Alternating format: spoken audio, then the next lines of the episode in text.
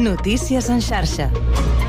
Bona tarda, són les 4, us parla Marc Ventura. Avui a les 5 de la tarda hi ha reunió del Comitè Català d'Ajut Humanitari per coordinar la resposta que es dona des de Catalunya a les tragèdies de Líbia i al Marroc, dos successos que ja han deixat prop de 8.000 víctimes mortals i milers de desapareguts. Mentrestant, ajuntaments i entitats socials multipliquen esforços per recollir donatius i enviar recursos bàsics a aquests països del nord de l'Àfrica. L'associació Azahara repartirà aliments de primera necessitat com aigua, farina i sucre entre els habitants que s'han quedat sense res. El que està costant més d'aconseguir és el material per combatre el fred. Ho ha explicat Paula Sardà, portaveu de la Comissió d'Emergència de l'associació. Les poblacions més afectades són poblacions muntanyoses, rurals muntanyoses, que són poblacions a les que cau el sol, actualment ja fa molt de fred, no? i totes les persones que han, que han perdut casa seva estan dormint al ras. Per tant, tot el que és tendes de campanya, secs de dormir i mantes, tot és un material que, que a més està costant aconseguir ara mateix a la zona de Marrakeix. L'ONG Zahara té una, una campanya en marxa per recollir donatius que han superat els 25.000 euros i el seu objectiu és arribar als 50.000. L'Ajuntament de Girona mesura el grau de digitalització de les pimes, les petites i mitjanes empreses del sector turístic de la ciutat i aquestes obtenen una puntuació del 38,5%, sent la restauració la que menys mecanismes digitals té, amb un 28%. Pau Villafra... Villafanyer, Girona FM. Una de les conclusions de l'estudi és que les empreses del sector turístic es troben al nivell bàsic de digitalització, que seria el segon esglaó, però 6 punts per sobre de la mitjana espanyola xifrada en un 32%. Es tracta d'empreses que comencen a utilitzar utilitzar la digitalització però que encara no han explotat tot el potencial i el valor del món digital. Un estudi que ha encastat a 60 pimes de sectors com l'allotjament, els viatges, la restauració o les activitats guiades.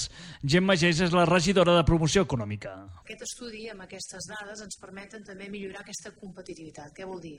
Millorar la bona forma de les pimes a Girona en l'àmbit turístic, i això és molt important.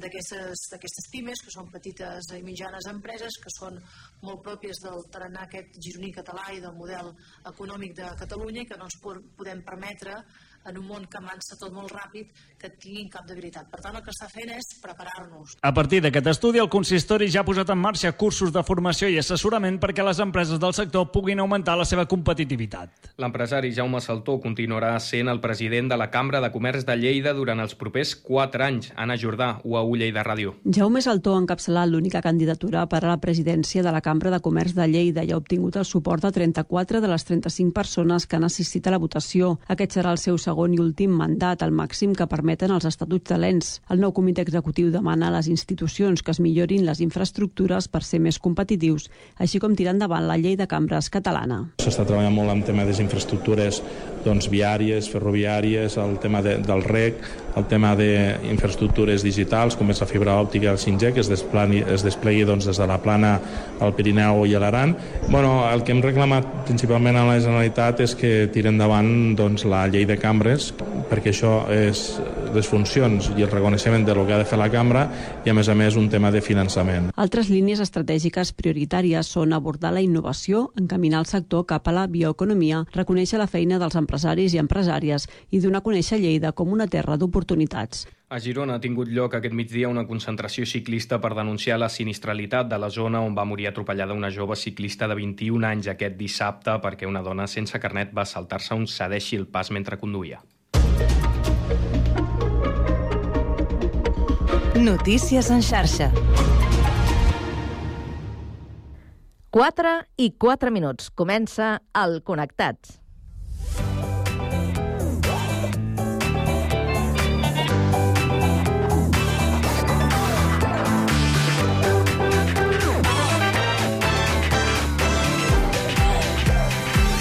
Connectats amb Carme Reversa.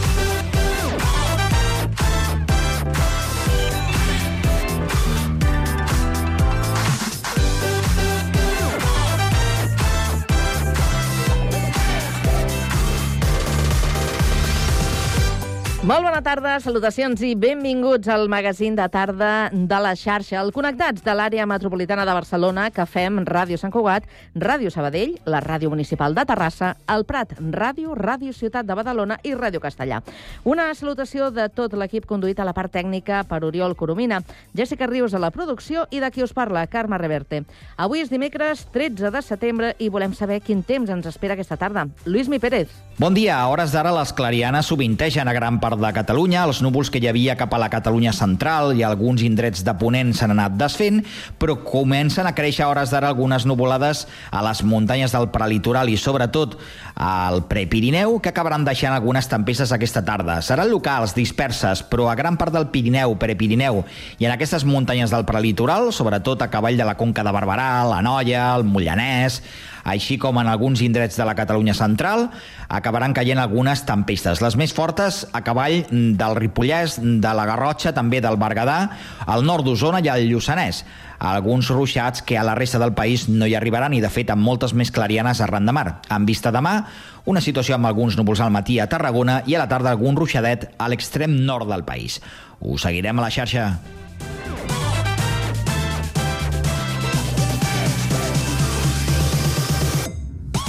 Avui al Connectats coneixerem els detalls de la prova d'emergències que es farà demà dijous a l'entorn metropolità i, per tant, afectarà a ciutats del Connectats. En parlarem amb Cristina Vicente, que és cap d'operacions de protecció civil de la Generalitat, i ho farem des del Prat de Llobregat. Acabarem aquesta primera hora amb la tertúlia generalista, avui centrada en l'inici de curs a batxillerat i FP i el funcionament dels serveis al client. A partir de les 5 coneixerem la castellarenca Marta de la Rosa, capitana de la Unió Esportiva Castellà. Continuarem amb la l'espai amb molt de gust per endinsar-nos en la Fira del Tomàquet Mandó de Collserola. Acabarem, el primer, amb, acabarem amb el primer Coses d'Antes de la temporada que avui dedicarem a la figura de Maria Teresa Campos. Tot això i més, des d'ara i fins a les 6 de la tarda, a la vostra emissora local. Connectats? Comencem.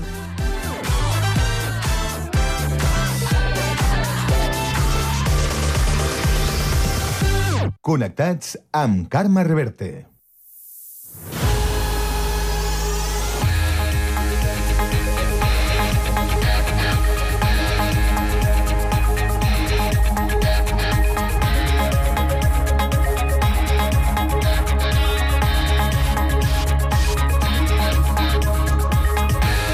Som-hi, doncs. Ens posem al dia, ho fem amb la ronda d'actualitat, que un dia més obrirem per Terrassa. Sergi Estapé, bona tarda. Tarda, la quarta edició del Vegan Fest serà la més gran que s'ha fet mai fins ara. Se celebrarà al Parc Vallparadís de Terrassa a partir d'aquest divendres i fins diumenge. Aquesta és la gran novetat d'enguany, un dia més d'activitats per tal de sumar encara més visitants. Els organitzadors, l'Associació Vegana de Catalunya, tenen clar que el públic de l'esdeveniment va més enllà del nitxo vegà, i que l'any passat passessin per Terrassa més de 26.000 26 visitants és gràcies a una assistència eminentment familiar. Un dia més de festival significa un programa amb encara més activitats. Els Sabor de Gràcia posaran rumba catalana amb un concert dissabte al vespre, però el gruix dels actes del Vegan Fest seran els show cookings de diferents xefs vegans de referència, tant nacionals com internacionals. També hi haurà xerrades com la que oferirà en línia des d'Austràlia el filòsof i defensor dels drets animals Peter Singer. Fins i tot, i per primera vegada, el festival acollirà l'entrega dels Premis Barcelona Vegan Awards. Els guardons reconeixen els millors restaurants, productes i campanyes del moviment vegà. En total, són més d'una vuitantena d'activitats gratuïtes que, més, busquen visibilitzar les iniciatives i comerços de proximitat. L'actriu Núria Gago serà la madrina d'aquesta edició. Gràcies, Sergi. Continuem al Vallès Occidental, a la Cocapital, a Sabadell. Avui que és notícia, Pau Duran, bona tarda. Bona tarda. Més restriccions d'aigua a Sabadell cap al novembre si no plou de forma persistent durant les pròximes setmanes. És la previsió del portaveu de l'Agència Catalana de l'Aigua, Xavier Duran. La capacitat dels embassaments catalans és actualment del 23%, també en el cas dels pantans de la conca Ter-Llobregat, els que abasteixen Sabadell. Des de l'ACA s'apunta que ja era previsible que les reserves fossin a menys durant l'estiu. Ara bé, si no plou, Sabadell podria entrar en fase d'emergència a partir del novembre. Durant ha enumerat les restriccions que implicaria això. Reduccions en el que seria el, el volum total d'aigua que pot consumir eh, un municipi, o sigui, ara em sembla que està en una mitjana dels 230 litres per habitant i dia en la fase d'excepcionalitat, doncs en l'emergència baixaria a 200.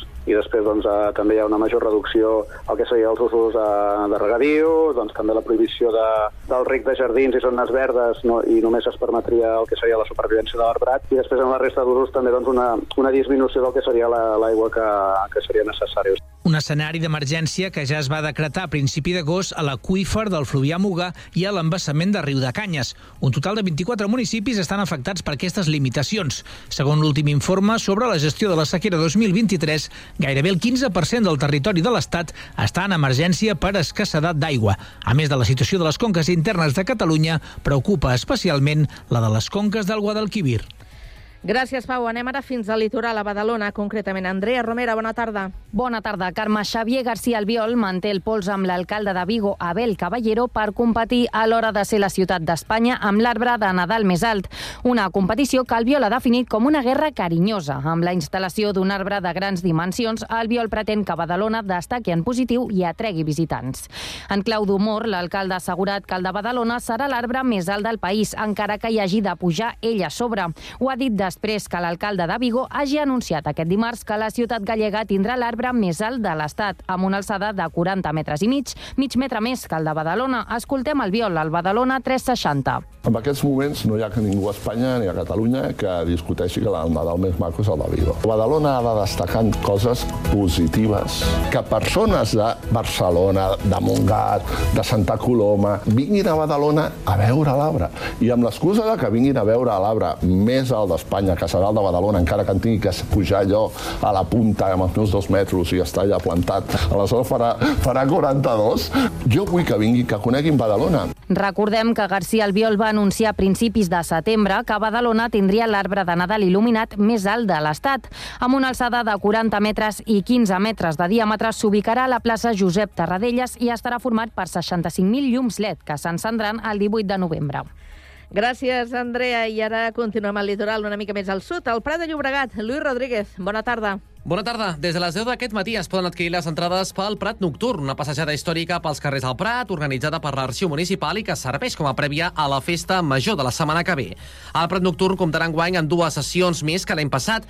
Es farà des del proper dilluns al dijous a dos quarts de nou del vespre i a les 10 de la nit. Enguany la ruta arrencarà des de la plaça de la Granja Colomines i cobrirà tres segles d'història, des del segle XVII fins al XX. Ho explica Marga Gómez, directora de l'Arxiu Municipal. Ens han pres moltes llicències i hi haurà una barreja de personatges que apareixeran d'èpoques diferents i que es creuaran al llarg del recorregut, però que després intentarem explicar qui era cadascú i per què els hem barrejat. Les entrades que són gratuïtes es poden adquirir físicament al Cèntric Espai Cultural o per internet, tot i que des de l'arxiu prioritzen aquest darrer mètode per evitar que la gent faci cua i es quedi sense entrada.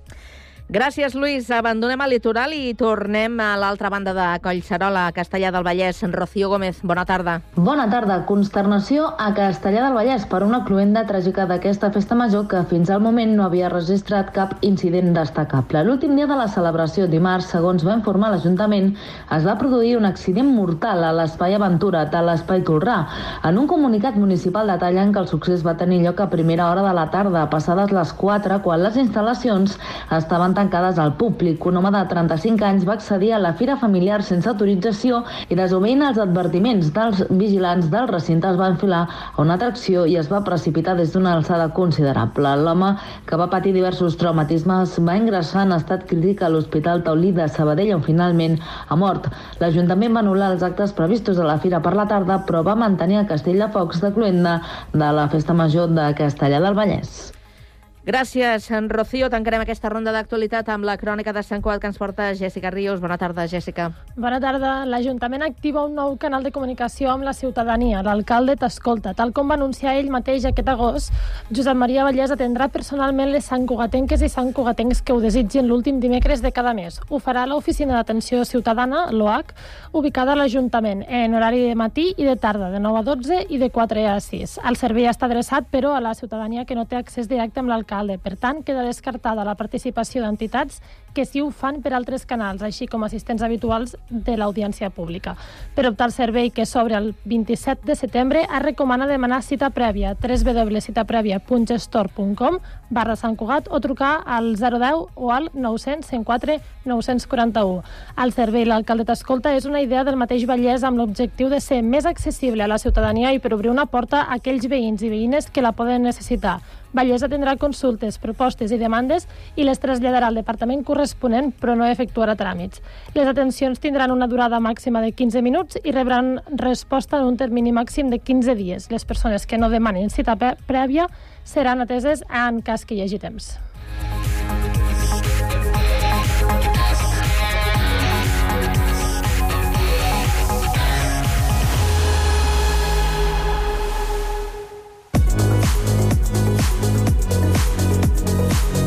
Cada tarda, de 4 a 6, Connectats. Una experiència radiofònica a Sabadell, Terrassa, Sant Cugat, Castellà, El Prat i Badalona.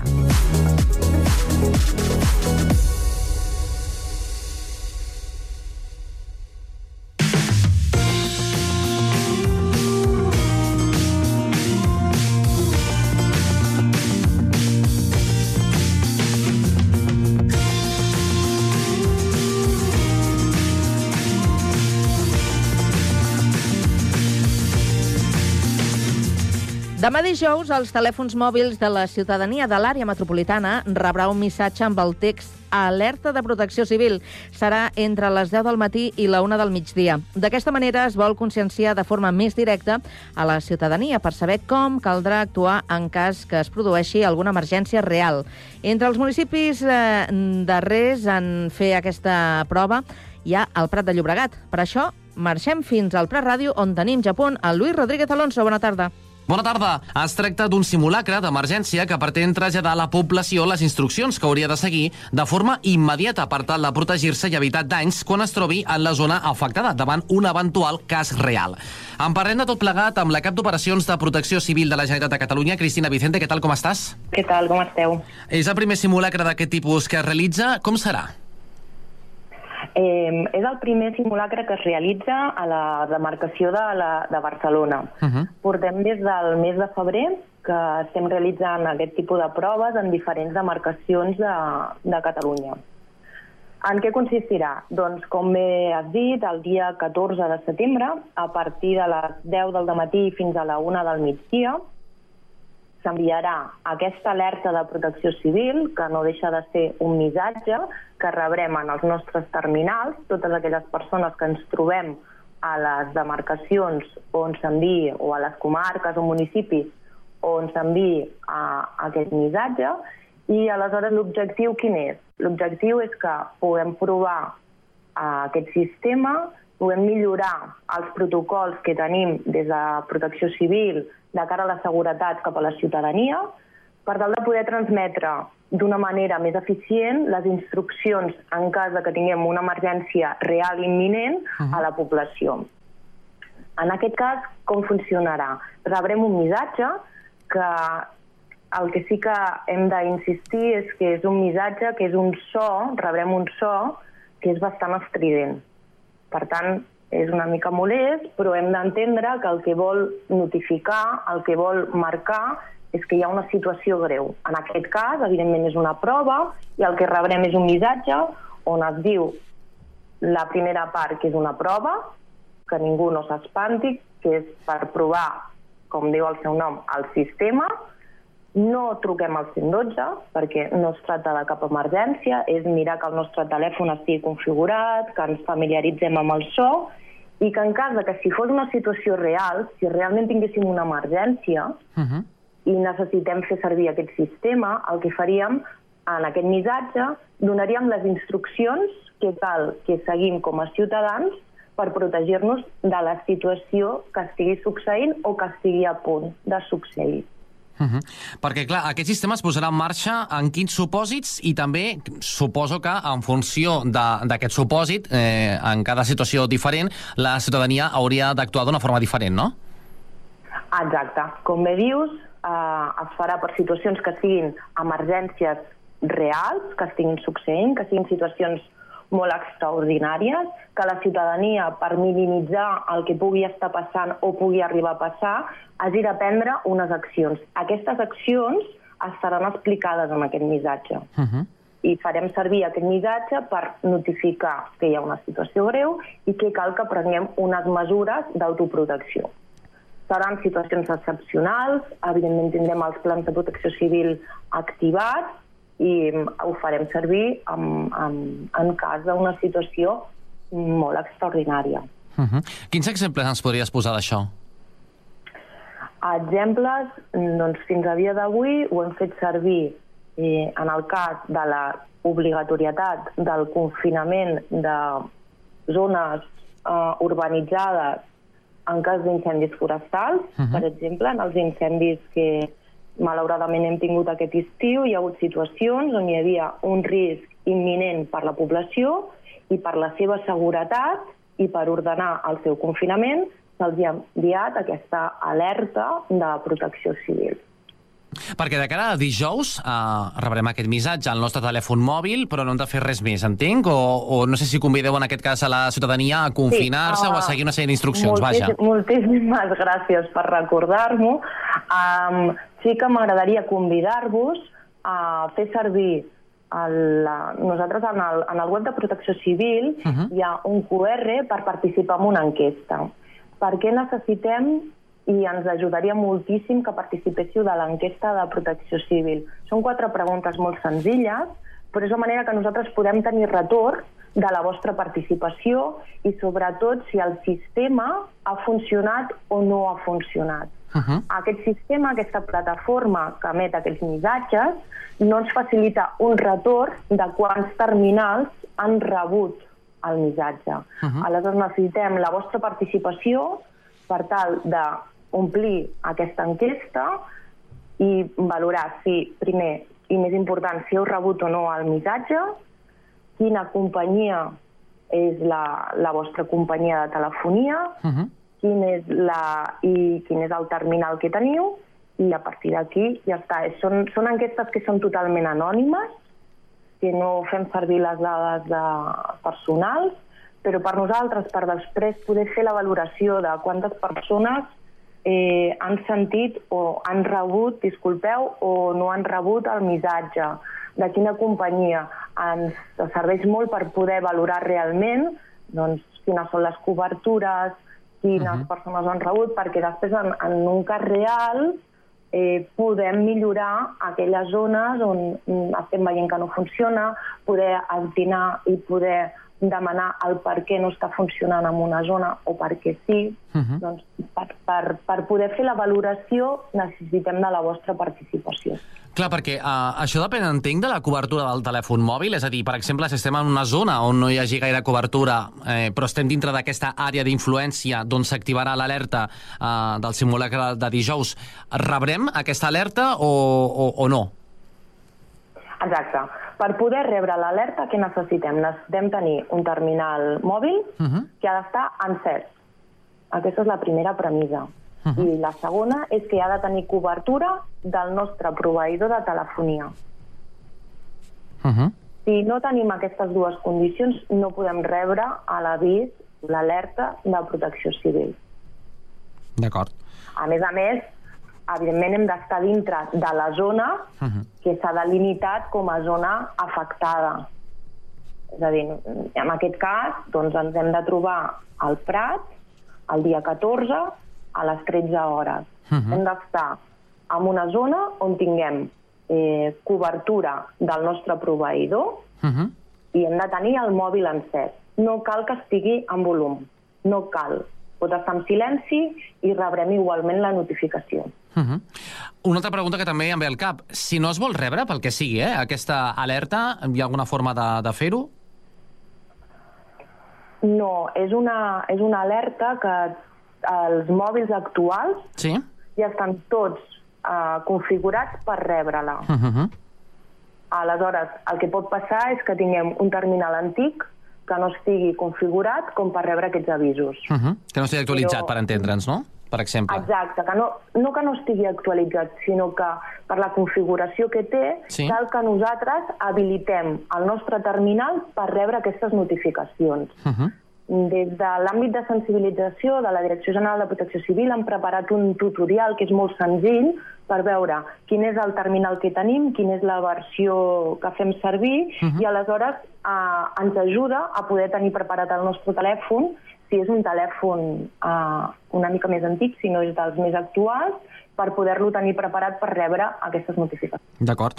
Uh, tal com deies, Cristina, aquesta prova és el primer cop que es fa a l'àrea metropolitana, però sí que n'heu fet d'altres al territori català. Um, quina valoració en feu de la conscienciació que hi ha al respecte doncs, d'aquestes proves? I d'altra banda, també, si creieu que... Uh, abans posava l'exemple de, de les sirenes de risc químic, no? Si funciona encara millor, es consciencia millor encara la ciutadania rebent un missatge directe i de forma personalitzada, podríem dir, perquè ho reps al teu mòbil personal, en lloc de fer ús d'altres sistemes com això, com les sirenes que comentàvem del, del Pla SecCat. Eh, i, començant per la primera pregunta, Sí. la, valora, la valoració que fem és molt positiva del seguiment que s'ha fet a, amb la ciutadania i de com ha anat millorant. El, hem tingut en algun moment que el, el tant per cent que nosaltres calculàvem que s'estava rebent no era molt satisfactori, però les darreres proves estat fent, la veritat és que eh, hi ha hagut un seguiment molt important, la valoració és molt positiva i valorem molt positivament aquesta eina, com et deia al començament, com una eina Mhm. complementària per poder arribar a la població i per poder indicar instruccions. Um, pel que fa a la segona pregunta, jo crec que hem de tenir molt clar que són dues eines, insisteixo, que són complementàries Uh -huh. que és molt, és molt important i és molt interessant el poder enviar quan tinguem una emergència un missatge al, amb un telèfon que estigui en una zona afectada, Sí. però el que estem veient és que i el que s'està valorant ara mateix és que nosaltres no podem tenir aquest retorn de saber si tothom ha estat informat, perquè actualment no tenim aquest retorn. Per tant, el fet de poder tenir dos sistemes per poder donar un, un missatge, Mhm. el que fa és que realment po podem cobrir tota la població i podem garantir o podem intentar garantir que el 100% de la població estigui assabentada que tenim un risc o que està passant una situació mm, perillosa. Uh -huh. Doncs recordem aquest dijous eh, hi haurà les proves en, que es faran per torns en funció d'aquesta àrea Ah, metropolitana de Barcelona. A les 10 arrencarà al Vallès Oriental, al Maresme, Sant Adrià del Besòs, Badalona i Santa Coloma, a les 11 a Barcelona, a les 12 al Vallès Occidental i finalment a la 1 del migdia al Baix Llobregat i l'Hospitalet, entre aquests, evidentment, doncs, al Prat de Llobregat. Cristina, després d'aquesta prova del dijous, eh, què més? No sé si també això, en aquesta prova que ja s'ha avançat que es farà el 15 de novembre en el marc del Pla SecCat, si comptareu amb aquesta eina complementària també per fer el simulacre o si s'utilitzarà o es farà alguna prova més i, i de cara a l'any que ve, per exemple, és a dir, que es farà de forma periòdica, no?, per tal de provar que funcioni tot correcte. Sí, ara el que, estem, el que estem valorant és com està funcionant la eina, per això ho hem fet a les diferents demarcacions, per poder anar valorant eh, com està funcionant tant a nivell tècnic com després com s'està fent l'explicació i la implementació amb, amb els ciutadans i amb tots els organismes que, que participen habitualment amb la gestió d'una d'una gran emergència. Uh -huh.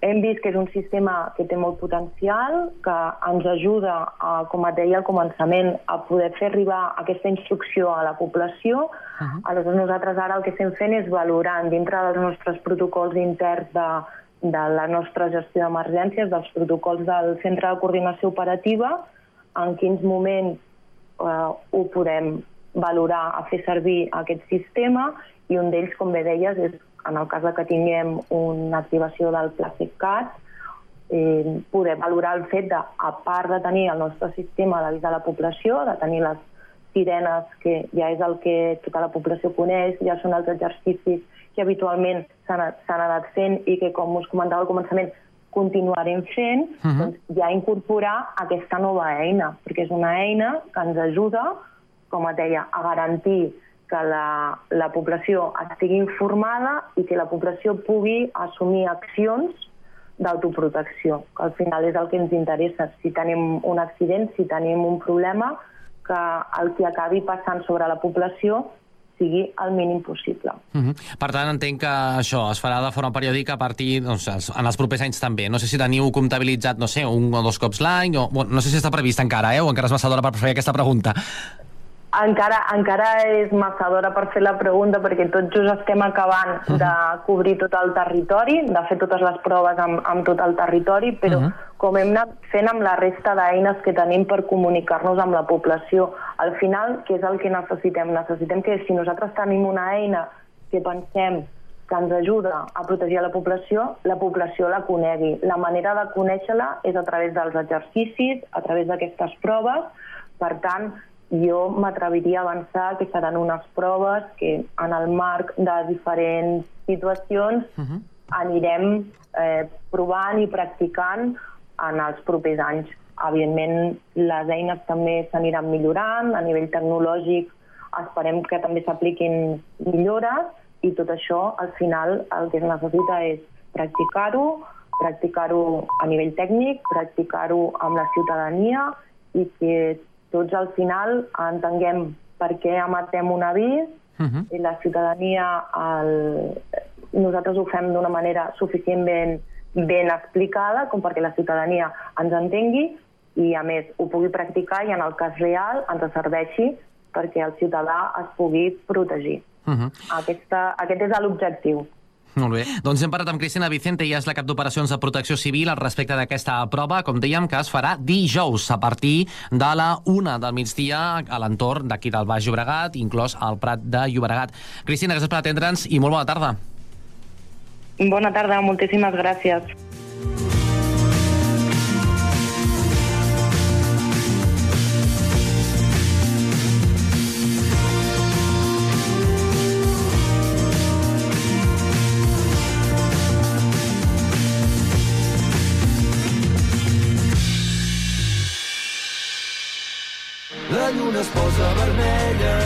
Descobreix el teu art. I ens hi posem tan fort que portaríem la vida a mar. Quan els dos som un, descobrim un món profund i donem llum a mil ciutats. Vam néixer per ser connectats.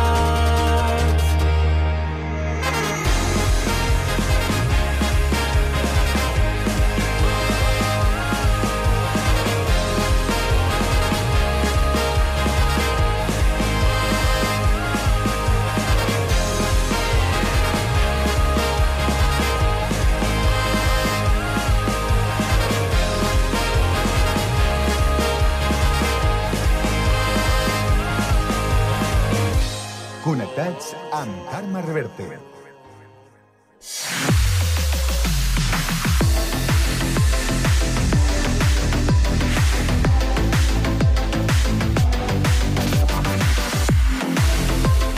Dos minuts passen ja de dos quarts de cinc de la tarda i és temps ara per a la tertúlia. Obrim aquesta finestra a l'opinió que avui, dimecres, compartirem amb el Josep Asensio, que és professor i el tenim a castellà. Josep, bona tarda. Hola, bona tarda. Com ha anat, com ha anat l'estiu? Uh, bueno, l'estiu encara està anant, eh, perquè estic una mica lluny de castellà, ah. encara no he, no he tornat uh, allà i torno dir dissabte, i molt bé, la veritat que molt bé. Doncs escolta, aprofita, aprofita els dies que, que queden, eh? Sí, sí. perquè després ja, saps, la normalitat ens absorbeix i aprofita tot el, sí, sí. tot el que puguis. I moltíssimes gràcies eh, per atendre'ns. Sí, sí, home, no, aquí és un plaer. Sí, sí. Doncs deixa'm que anem a saludar l'Anna Maria Vives, que és infermera i presidenta d'Anastàcies de Badalona, el grup de dones que treballen per la cultura. Anna Maria, bona tarda. Bona tarda. Què tal? Bé. Sí, també... Jo l'estiu treballant. Tu l'estiu treballant, però ara estàs de vacances Sí. o treballes encara? No, no, i, i aquest any he escollit el desembre per fer vacances. Ostres. A les, a les, sí. I no se't farà massa llarg? No, no, no, jo crec que no. Jo crec que no. A més a més, eh, només he treballat els matins, per tant, eh, ha sigut un, un agost visquent davant del mar Home. mig de vacances. Això ja serveix. I, sí. I per tant, no, no, no, estic bé, estic bé. Molt Tinc bé. les piles ben carregades. Home, us he de dir que eh, treballar a l'estiu eh, tampoc no està malament, eh? És un altre ritme, Mm. és un altre... És un altre ritme, sí. I, Sí, i sí, també, un i també s'agraeix. També s'agraeix. Sí. Però vaja, Sí. d'aquí una estona, eh, m'avisen que encara no tenim disponible el tertulià de, del Prat, però de seguida que arribi als estudis del Prat Ràdio el saludarem. Per cert, que des del Prat, ara parlàvem fa uns minuts eh, d'aquesta prova d'alerta d'emergència a l'entorn Mm. metropolità, o sigui que demà Demà sí, eh? Demà ha arribat el dia, el Sí. moment en què ens eh, sonarà el telèfon mòbil amb un so d'aquells estridents, que no s'espanti ningú, eh? Que això és una, una prova que, que faran. Mira, recordarem, perquè sí que el nostre company, el eh, Lluís Rodríguez, ha comentat que el Baix Llobregat i l'Hospitalet es farà a partir de la una, però el Vallès Occidental, és a dir, Terrassa, Sabadell, Sant Cugat i Castellà, serà a partir de les 12, però els primers, els Mhm. més matiners, sereu eh, els de Badalona. Badalona, A les, sí. 10, a les 10 del matí. A les sí? 10, sí. Esteu, sí, sí. esteu preparats, no?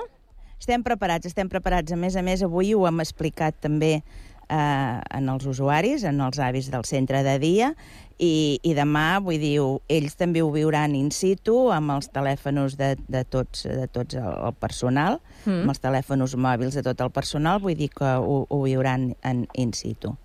Serà una Eh, experiència més. I, ja, en, en el cas del Josep, Josep, tu, si estàs fora de l'àrea d'influència, no et sonarà el mòbil. Jo crec que no. No. No, no, No et sonarà. no.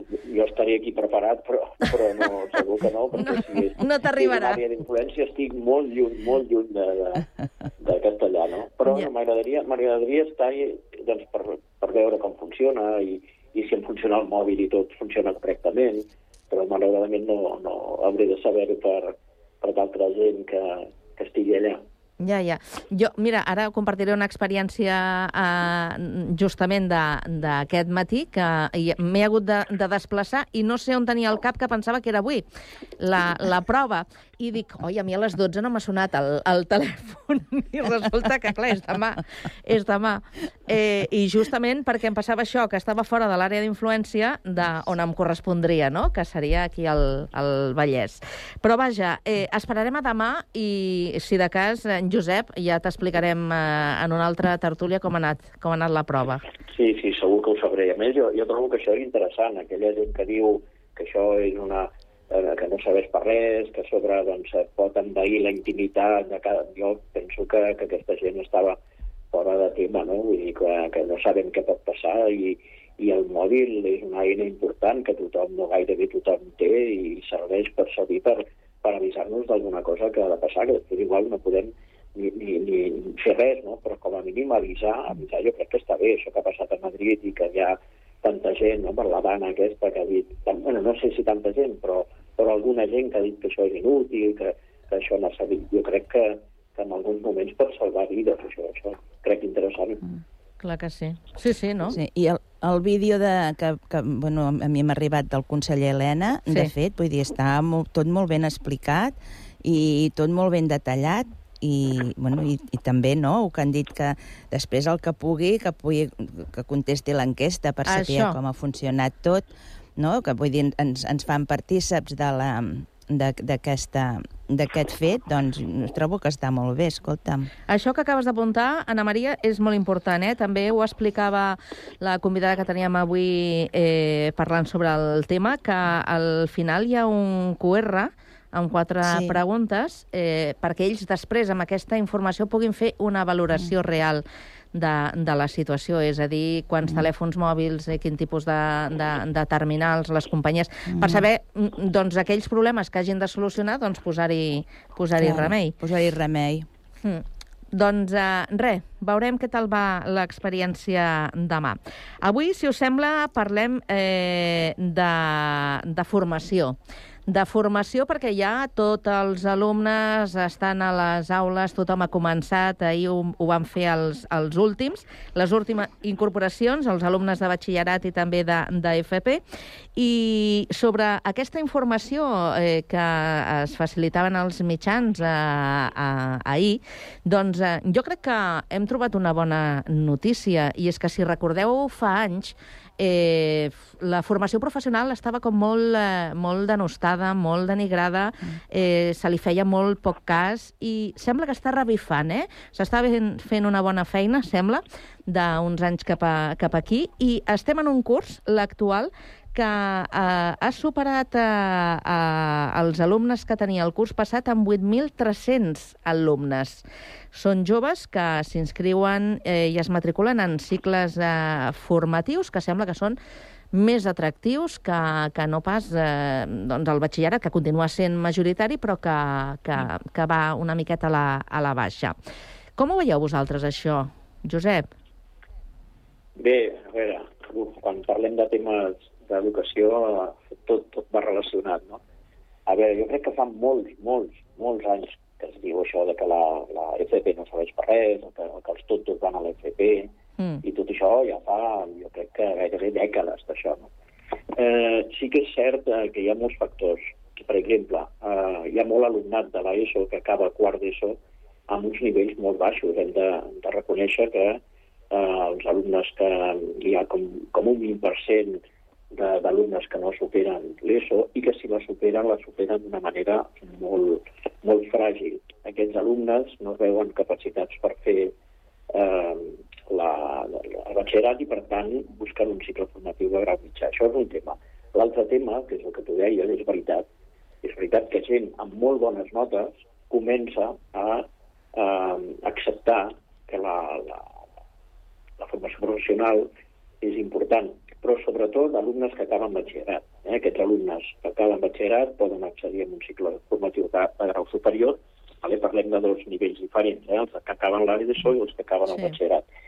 I, i jo, jo què t'haig de dir, com a, com a professor que he estat, com a tutor, com a, com a tots, els, tots els neguits que, que he viscut amb els alumnes, que, que no sabien, Josep, que haig d'estudiar, què faig, què no faig, amb els pares també neguitosos, doncs al final eh, jo sempre recomanava que havíem d'estudiar el que volguessin estudiar, sigui en un lloc o en un altre. I com que a mi m'agrada explicar les coses amb anècdotes, et diré que moltes vegades els pares amb estudis volen sí o sí que els seus fills o filles doncs, estudin a la universitat, com ells van fer. Sí. No? Perquè veuen que això de l'FP encara... O sigui, són les famílies les que encara no s'han cregut mm, no només la sortida professional que pot tenir una FP o una superior, també també de grau mitjà, sinó, mm, sinó la importància que pot tenir després per poder accedir a la universitat, perquè això també es pot fer. I me'n recordaré sempre d'uns pares, eh, els dos treballadors de banca, amb estudis, economistes, que tenien un fill que, que, que li, agradaven, li agradaven els cavalls, que, que volia estudiar coses relacionades amb els animals, els cavalls, clar. Els pares van posar el crit al cel dient que això no podia ser, que el seu fill havia de fer batxillerat, que el seu fill... Clar, jo com a tutor ens van haver de dir que, que, que no, que el camí no era el perquè seria un fracàs, que no estava preparat. Al final, sobretot la mare em va fer cas i se'n van estudiant a, a prop de Lleida i dos anys després o tres anys després em va donar les gràcies per, per aquest treball que jo havia fet de, de tutor, no? perquè finalment l'alumne, la persona, està treballant en una hípica, està feliç i no ha anat a la universitat, no? però sobretot el pare no estava massa convençut de que el seu fill pogués arribar a treballar, fixa't també, això és que no treballarà mai si no mm. va a la mm. universitat. No? Està molt que, bé. Que encara, encara és la, les famílies de, de, de pares i mares amb estudis que no ho veuen clar. Ja em sembla que ho he dit, això. Jo crec que és molt il·lustrativa, eh, aquesta anècdota que comparties. Eh, Permeteu-me que saludem el Joan Ribas, que és membre de la cooperativa agrícola de, del Prat i ja el tenim als estudis del Prat Ràdio. Joan, bona tarda. Oh.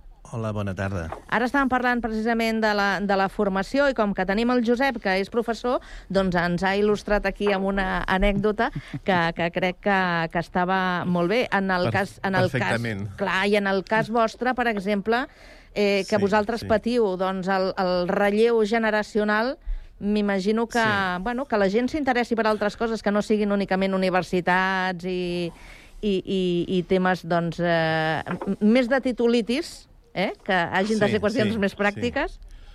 Sí. sí, sí.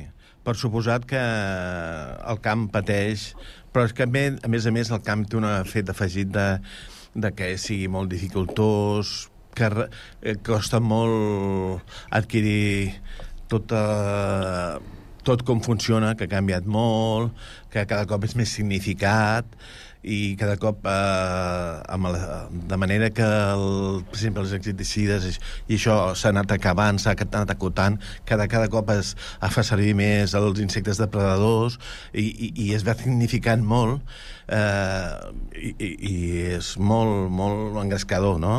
però la dificultat més gran de, del camp és, i el de proximitat més encara perquè normalment són eh, l'escala de producció és petita i llavors no pots competir en produccions grans fetes de, a Bustobon hi ha grans extensions que estan molt tecnificats que l'efecte, per exemple, d'aprofitar l'aigua amb el gota a gota introduït, que llavors els mica d'adobs que els hi tirin i el tiren quan els donen a l'aigua, que, està, que tots els pageros ja tenen assessorament, perquè es té de ser així. És que el no camp també requereix manera, de coneixements, eh? No és Molt, només feina però de no física. els seculars, no els seculars, allò de, de que cada un anava fent. Evidentment, hi ha, hi ha, i cada un, hi ha, per, per exemple, jo tenia pares i els avis sempre eren pagesos tots, tant de part de mare com de pare. I que, que evidentment, anava canviant a mica a mica, però ha canviat moltíssim, moltíssim, no? Ja. Però, a més a més, hi ha la dificultat que ve gèneres de tot arreu del món i que hi ha molt de tot, no hi ha estacionalitat. On, abans hi havia una mala collita perquè feia o fred o feia alguna cosa, bueno, sabies que poder la pròxima tu no series el que et tocaria la desgràcia de tindre fred o una pedregada o alguna cosa, llavors ho aprofitaries. Però ara, com moment que tu tens una cosa que ja eh, a la baixa, eh, immediatament venen de qualsevol puesto el gènere i rarament, a menys que sigui una cosa, per exemple, la colita d'oli que tot Espanya baixi un 50% i que som el màxim productor mundial, i llavors sí que passa que, que el preu pujarà perquè no n'hi haurà el que que consumim. Clar, mireu que avui Per- tenim, perdona, eh, en Sí, sí, Joan, digues, eh, digues. tenim tres tertulians que toquen tres àmbits molt diferents i, i quan parlem de formació, clar, mira l'Anna Maria com es veu ja, eh, que treu el somriure per aquí. En l'àmbit de la sanitat, eh, Anna Maria, eh, a veure, eh, hem parlat després de la pandèmia de la necessitat de mans, eh, de, de recursos Sí. humans per Sí, atendre sí. a la ciutadania. Mm. Sí, eh, vull dir, eh, tothom ja ho sabem, no?, que falten infermeres i infermers titulats universitaris, això és ja, vull dir, és una cosa que se sap, però no ens oblidem que sense una bon, uns bons auxiliars, tant clínics com geriàtrics, no funciona res. Vull dir, ja, ja, pots, ja pot ser la millor infermera o el millor infermer del món, el millor metge, que com no tinguis un bon equip d'auxiliars ben preparats, que els agradi la feina, mm, aquella unitat, ja et dic, eh, tant si és clínica com si és geriàtrica, no, no tira endavant. Per tant, benvinguts als tots els nois i noies que vulguin fer formació professional i, i més si es volen dedicar al sector de la salut, encara més. Mhm. Perquè, a més a més, hi ha moltes sortides.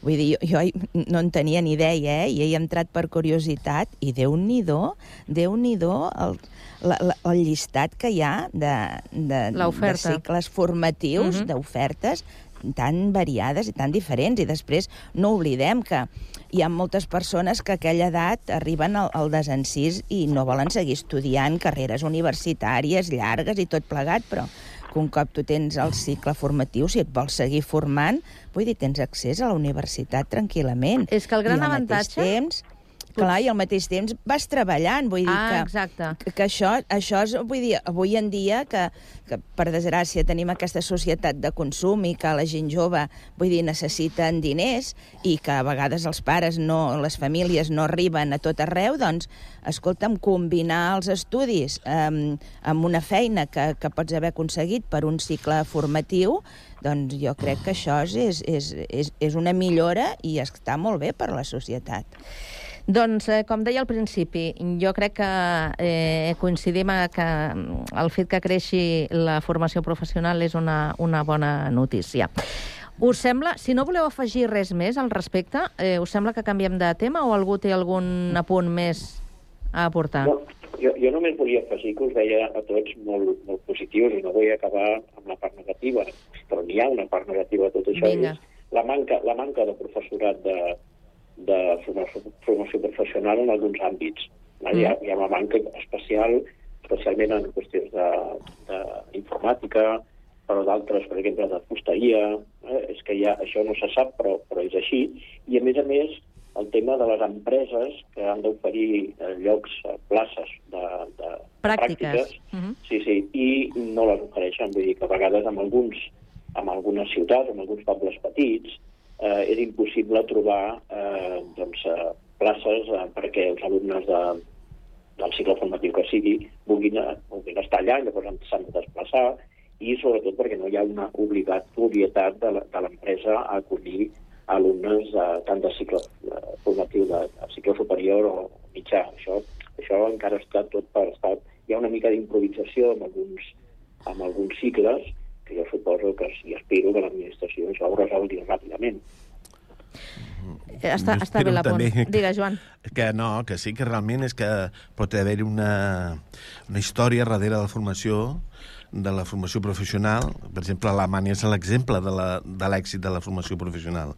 Que les empreses no se n'aprofitin tampoc, que es donen compte que realment eh, és la sortida fàcil i, i cada cop això anirà per si sol fent-se, eh? Vull dir, però clar, és difícil, com tot, eh, començar del no-res, de tindre la formació que estava tan tirada per terra, i que, mica en mica, la gent està en compte que realment eh, que sí, que hi ha sortida i que hi ha molta necessitat de gent preparada a nivells intermitjos i que se'n surten bé i que no vol dir que, que tinguin sous baixos perquè hi ha gent preparada que ve de la FP que té de sortida tan bon sou com pot tindre un llicenciat i això es té de mirar, que mica en mica va millor però té d'anar mica en mica fent-se. De cop perquè vingui uns polítics i diguin ara té de ser així. Si les empreses, si tot no es posa en marxa com un engranatge que es vegi que és bo per la societat a mi em sembla que serà difícil, les coses no es van... Doncs de mica en mica, Joan. Sí, Exacte. si anem avançant, encara que sigui de mica en mica, ja anirem, anirem sí. pel bon camí. Canviant I de tant. tema, ens queden eh, els últims minuts de, de la tertúlia per parlar de, dels serveis d'atenció al client. Aquí ens hi trobaran a tots, eh?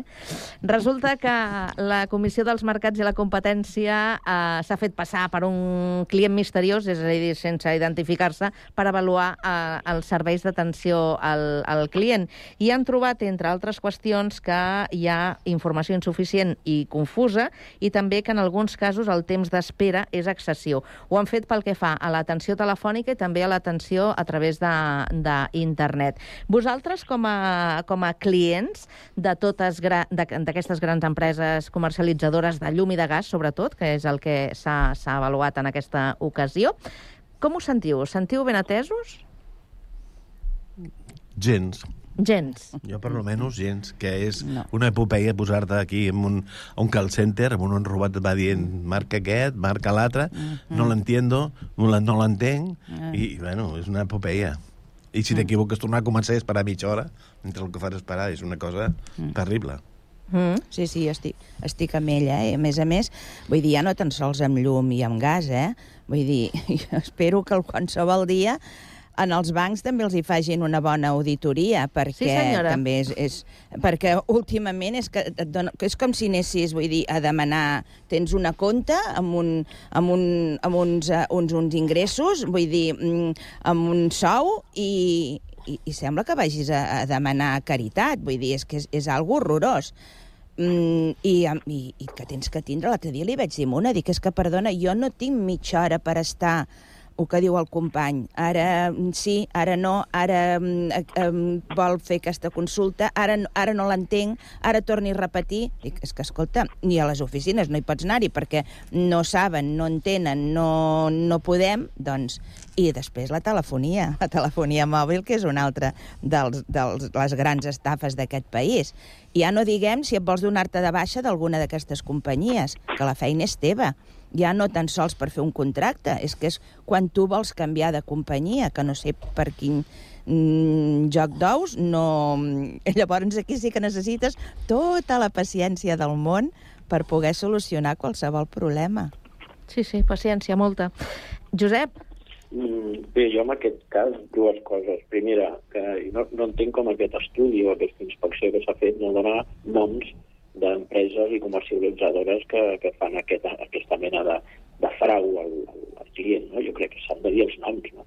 Segona, posar eh, multes, perquè només fer l'estudi i dir que ja els avisaran de que no ho tornin a fer és com pren, es prenen el pèl. Eh? Primera, això. Segona, que mm, hi ha, hi, ha, hi ha una diferència entre les grans comercialitzadores, no vull dir noms, eh? i les petites comercialitzadores que són més, diguem, més casolanes, no? que aquí a Catalunya tenim exemples de, de llum, sobretot, eh, que són cooperatives, i aquesta, aquesta gent funciona d'una altra manera, té una mica més d'empatia amb, el, amb el client. No?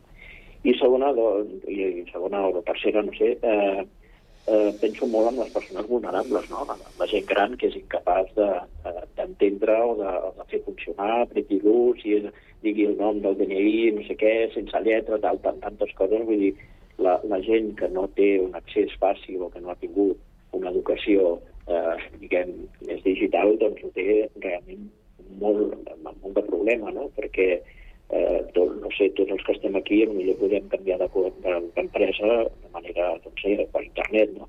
I potser ens, ens en sortim i tot, no? Però si no tenim, podem fer-ho podem fer-ho trucant per telèfon, però imagineu una persona gran que vulgui fer-ho qualsevol de les dues maneres i que hagi d'anar apretant eh, i pitjant les tecles al número i al final doncs, penja perquè no sap com fer-ho. Eh, és el que més em preocupa. Mm. Penseu una cosa, que a més a més, avui que estàvem parlant de la, de la formació, eh, amb, amb majúscules de la formació, eh, resulta que els agents comercials, segons eh, aquest, eh, aquest estudi, també tenen una formació deficient. Doncs anem arreglats, no? Sí. Anem, anem, anem bé. Mare meva. Molt, molt. Bueno, són, és que són com, com a intel·ligència artificial, però, però sense intel·ligència. Sí. sí. Perfecte. Sí, I sense artificial, no? Són robots. Jo a vegades m'he trobat amb gent que repeteix no, no, escolti, però és que passa això, i et torna a repetir el mateix, i, i li he dit directament, dic que estic parlant amb un robot, i et torna a repetir, no diu sí, ni no, no, em dic que no, no, no. Són, al final, acabo pensant que són, no sé, és un robot que repeteix, per tant, jo crec que els hi donen unes, unes normes, els hi donen unes frases i quan, quan tu els descol·loques ja no saben per on sortir. I a vegades m'han pensat, eh? quan els, els he descol·locat m'han pensat. I, I vosaltres us heu trobat, eh, perquè això ara està, ja fa un temps, que està, diguem, en boga, que quan et venen a fer un servei a, a domicili, et demanen que, eh, que, que els hi posis una puntuació al servei que t'han fet però no et demanen que valoris segons tu consideris. No, no. Et diuen, és que si no em poses un 10 és com si no hagués fet, fet bé la meva, la fet meva feina. feina. I estan... Sí, sí. sí, sí, et pressionen, eh? Bueno, però això és molt trist, que... això és, sí, sí, molt trist que hagi de ser així, no? Perquè, clar, aquella persona la, la, la Però és que ne necessiten complir uns nivells, uns estàndards, perquè... Bueno, no, ja ho explicarem un altre dia, perquè hem d'acabar. Però vaja, Joan, Josep, Anna Maria, que acabeu de passar molt bona tarda i fins a la propera. Igualment. Bona tarda. I Igualment. Bon bona final d'estiu, Josep. Gràcies, ens veiem aviat. Adéu, bona tarda. Adéu-siau, bona tarda.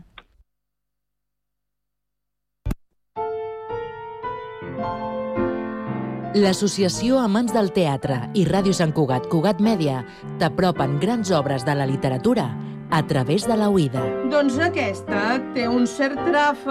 Vet aquí, ja volia dir jo. És una bogeria, una barbaritat. Et diré el meu nom a l'orella, escolta. Oh! La vídua es posa ràpidament al llit. Radioteatre amb obres de Jean Cocteau, Martí Boada, Robert Robert, Mercè Rodoreda, Pere Caldés o Anton Chekhov al 91.5 FM i a www.cugat.cat.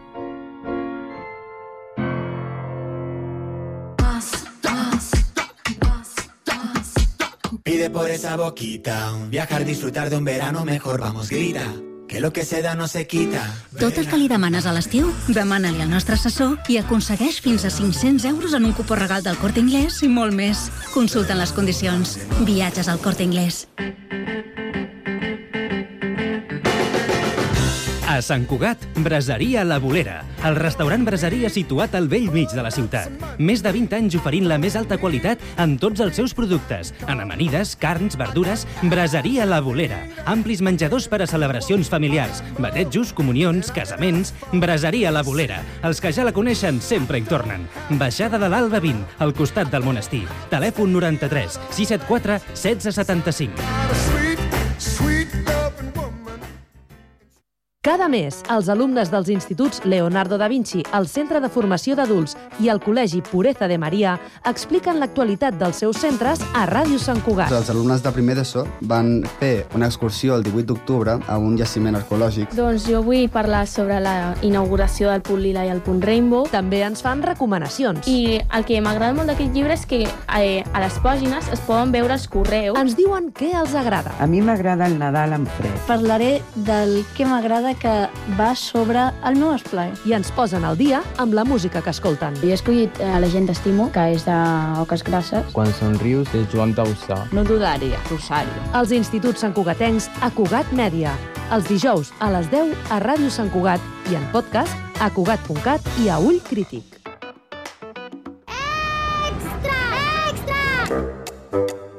L'Illa obre els diumenges de 12 del migdia a 8 del vespre. És el pla perfecte. Shopping, activitats per la família, gastronomia, premis amb les compres i una hora d'aparcament gratis. Gaudeix de diumenges diferents i divertits a l'Illa Diagonal.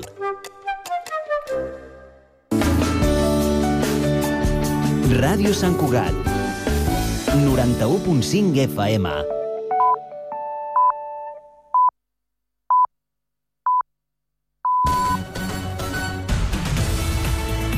Ràdio